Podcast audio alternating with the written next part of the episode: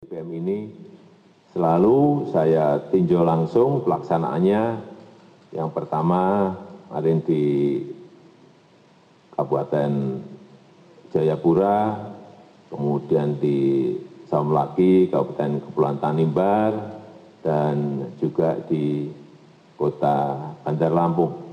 Dan kemarin juga saya melihat juga di provinsi maluku di kabupaten maluku tenggara di kota tua di kepulauan aru dan juga di kabupaten maluku baradaya saya melihat pembagian sudah berjalan dengan baik dan saya ingin pembagian dilakukan secara mudah secara cepat dan tepat sasaran di sini ada bu menteri sosial ada bu menteri ketenagakerjaan agar masyarakat mendapatkan kejelasan tentang pembagian blt dan blt bbm dan bantuan subsidi upah bsu saya minta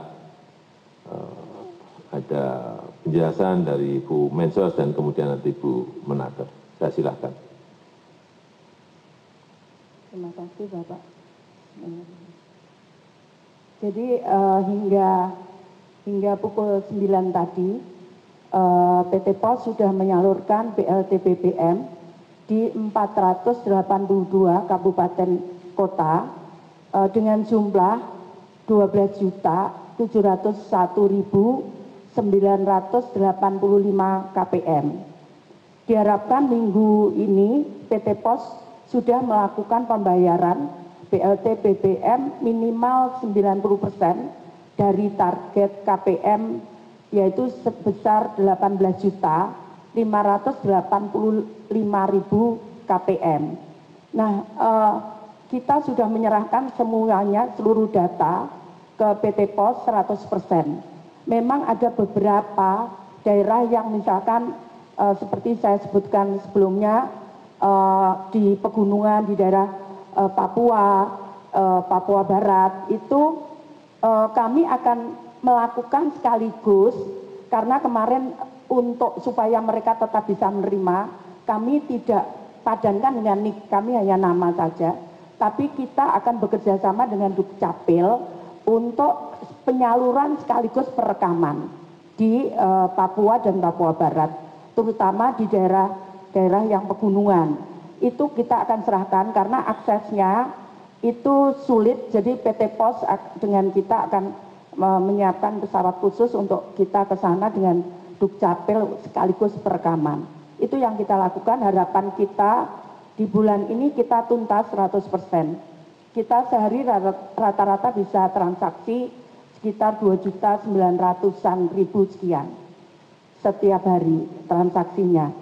Nah kemudian yang ingin kami sampaikan kami juga mendapatkan tambahan anggaran dari kementerian keuangan itu sebesar empat ratus miliar sekian. Nah itu akan kami gunakan untuk di bulan desember kami akan menyalahkan kurang lebih sekitar targetnya anak yatim piatu itu sembilan ratus empat puluh enam delapan ratus enam puluh tiga anak per anak dua ratus ribu per bulan. Nah kemudian ini yang baru yang kami usulkan adalah lansia tunggal di atas usia delapan puluh tahun yang mereka tidak ada yang rawat sendiri. Jumlahnya ada tiga ratus tiga puluh empat sebelas jiwa. Itu kita berikan makanan setiap hari. Nanti makanannya uangnya bisa dititipkan ke pak rt pak rw untuk mereka setiap hari memberikan makanan terutama lansia yang mereka sudah tidak berdaya dan dia tidak ada keluarganya. Jadi lansia tunggal.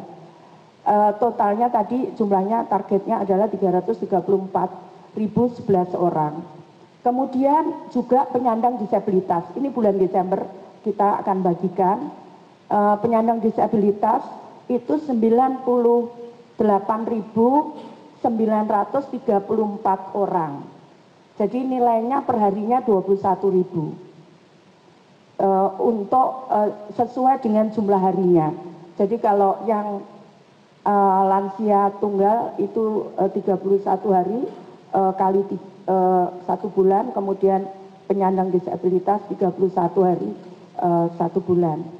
Nah kemudian kami ingin menyampaikan data, jadi penerima bantuan sosial itu bukan hanya dari Kementerian Sosial. Ada penerima bantuan sosial, ada yang di Bupenaker, ada juga yang dia subsidi gas, ada juga subsidi listrik. Jadi penerima bantuan bukan hanya di kami. Kalau dia tidak terlalu miskin, dia misalkan di kelompok kami, dia ditawari gas nggak mau karena e, karena dia nggak punya kompor gas. Nah maka kemudian itu untuk grade yang lebih atasnya. Seperti itu.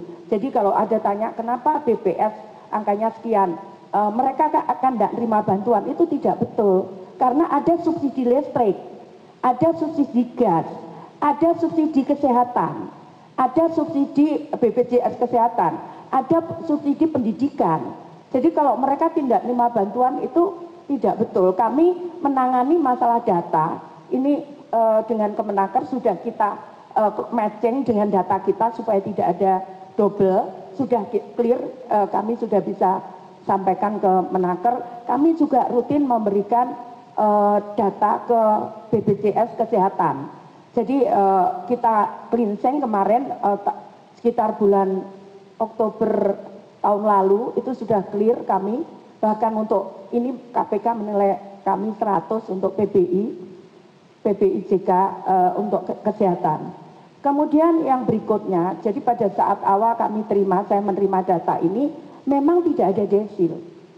Dan menurut kami, menurut kami kenapa? Karena setelah itu memang kemudian kan ada uh, COVID dan sebagainya, uh, sehingga kami harus menyalurkan juga. Nah, permasalahannya adalah, permasalahannya untuk apa kita juga lakukan itu di Kementerian Sosial?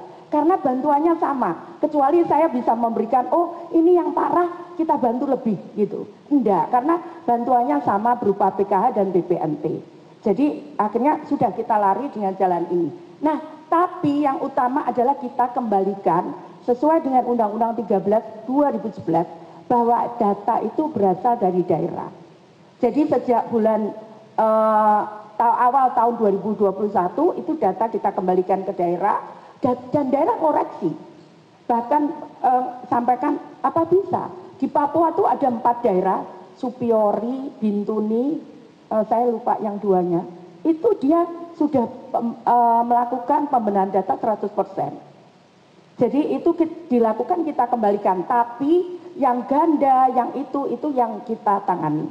Berikutnya seperti itu. Ini ada pertanyaan itu Bapak, mohon maaf. Kemudian yang kemiskinan ekstrim, saat ini kita lagi padukan, tapi kami sudah berjalan. Jadi uh, kami sudah berjalan uh, mulai bulan uh, kemar tiga bulan yang lalu kita sudah tangani. Jadi bukan perilakunya bukan hanya bukan hanya dia menerima bansos, tapi dia kita perbaiki rumahnya, kita kemudian kita apa namanya berikan usaha. Mereka pengen usaha apa? Uh, misalkan itu tergantung mereka. Bahkan sekarang ada yang sudah pendapatannya 6 juta. Dia mereka siap. Nanti tahun depan mereka tidak terima bantuan sosial. Itu dari miskin ekstrim. Seperti itu kira-kira. Kemudian karena kami di, ada dua jadi whistleblowernya KPK itu ada di kami untuk cek bansos terus kemudian jaga bansos karena banyak sekali maka kemudian Uh, silakan, kami punya comment center 24 jam. Jadi di situ bisa telepon, bisa langsung ditangani karena banyak sekali dari Mentan satu, dari KPK dua, dari kami satu. Jadi ada empat pengaduan ini, belum usul sangga dan sebagainya. Saya kira begitu.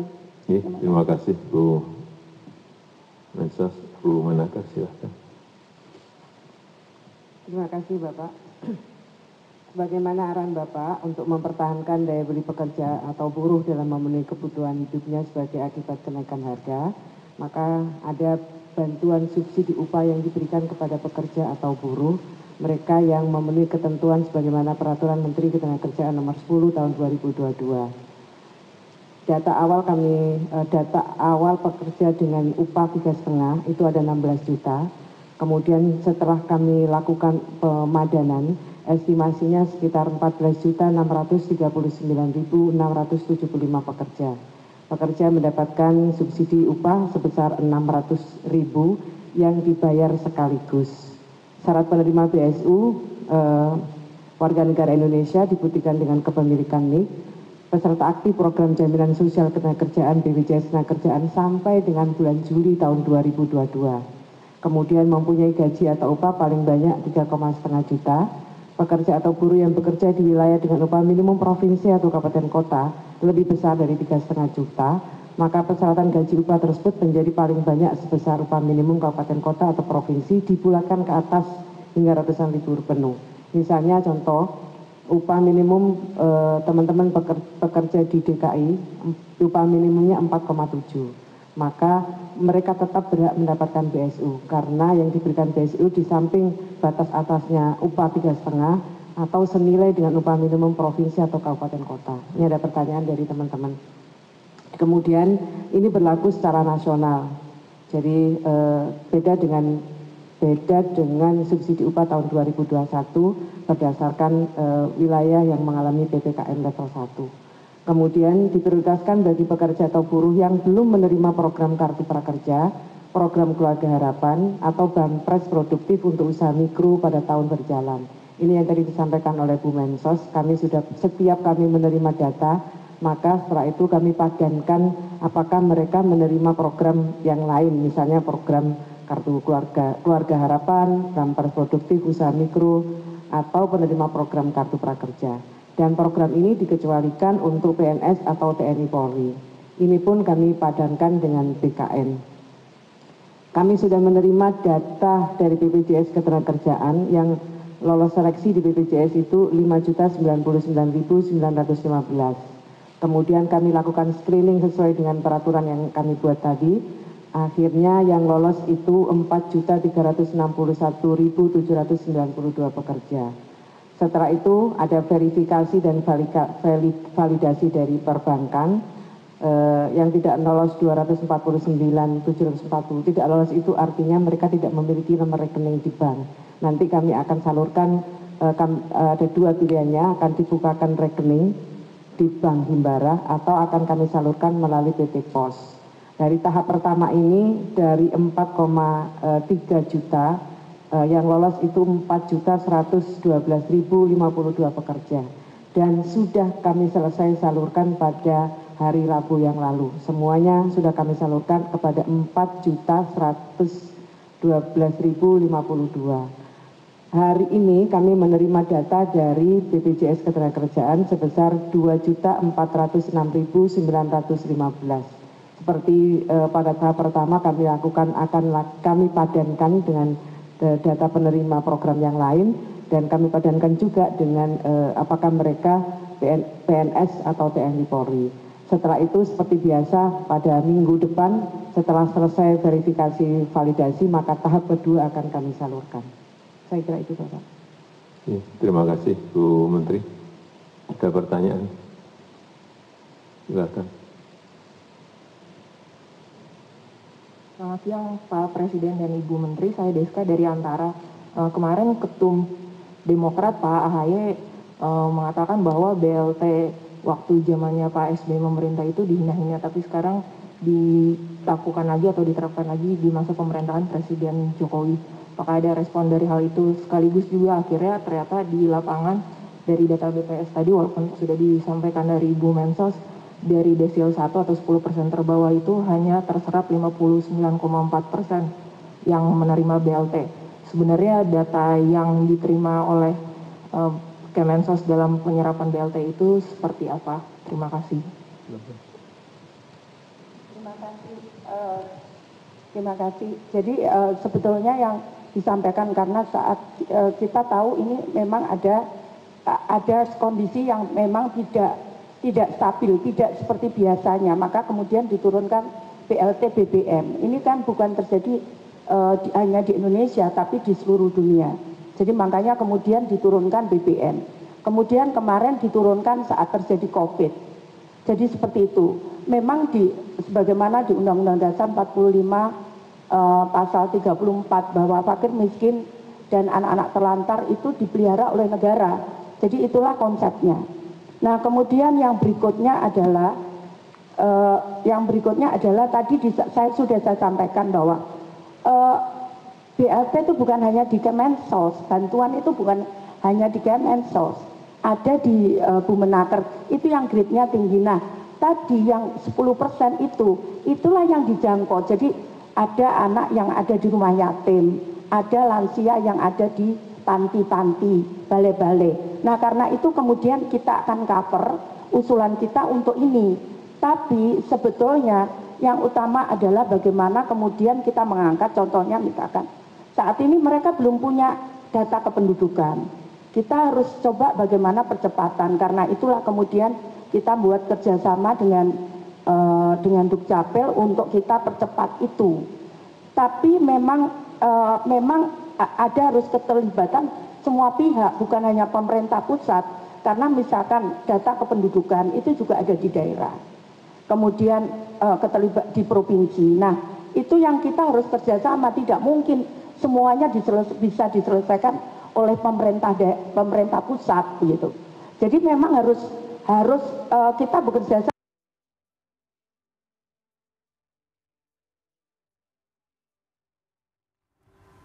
Ya baru saja kita ikuti bersama konferensi pers terkait pembagian bantuan langsung tunai atau BLT yang disampaikan langsung oleh Presiden Republik Indonesia Joko Widodo Menteri Sosial Tri Risma Harini dan juga Menteri Tenaga Kerja Ida Fauziah, di mana Mensos atau Menteri Sosial Tri Risma Harini menyampaikan bahwa pembagian bantuan sosial dilakukan oleh PT Pos dan BLT sudah disalurkan di 482 ribu lebih kabupaten kota. Dan bantuan sosial ini diberikan atas kerjasama antar kementerian meliputi, meliputi subsidi listrik, subsidi gas, kesehatan, dan juga pendidikan. Dan diharapkan pembagian BLT ini akan selesai pada bulan September. Uh, selain itu, lansia tunggal atau lansia yang hidup sendiri berjumlah 334 ribu ini juga akan diberikan bantuan berupa makanan dan uang yang akan dilakukan berkoordinasi dengan kepala daerah. Tidak hanya itu, disabilitas juga akan diberikan bantuan sosial.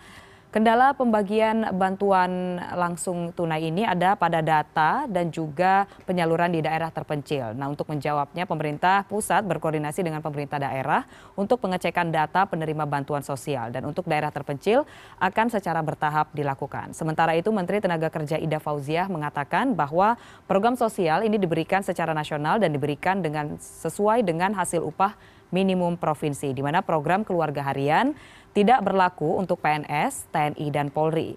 Sejauh ini 4.112.052 lebih pekerja sudah menerima bantuan dan bantuan sudah selesai diberikan kemarin.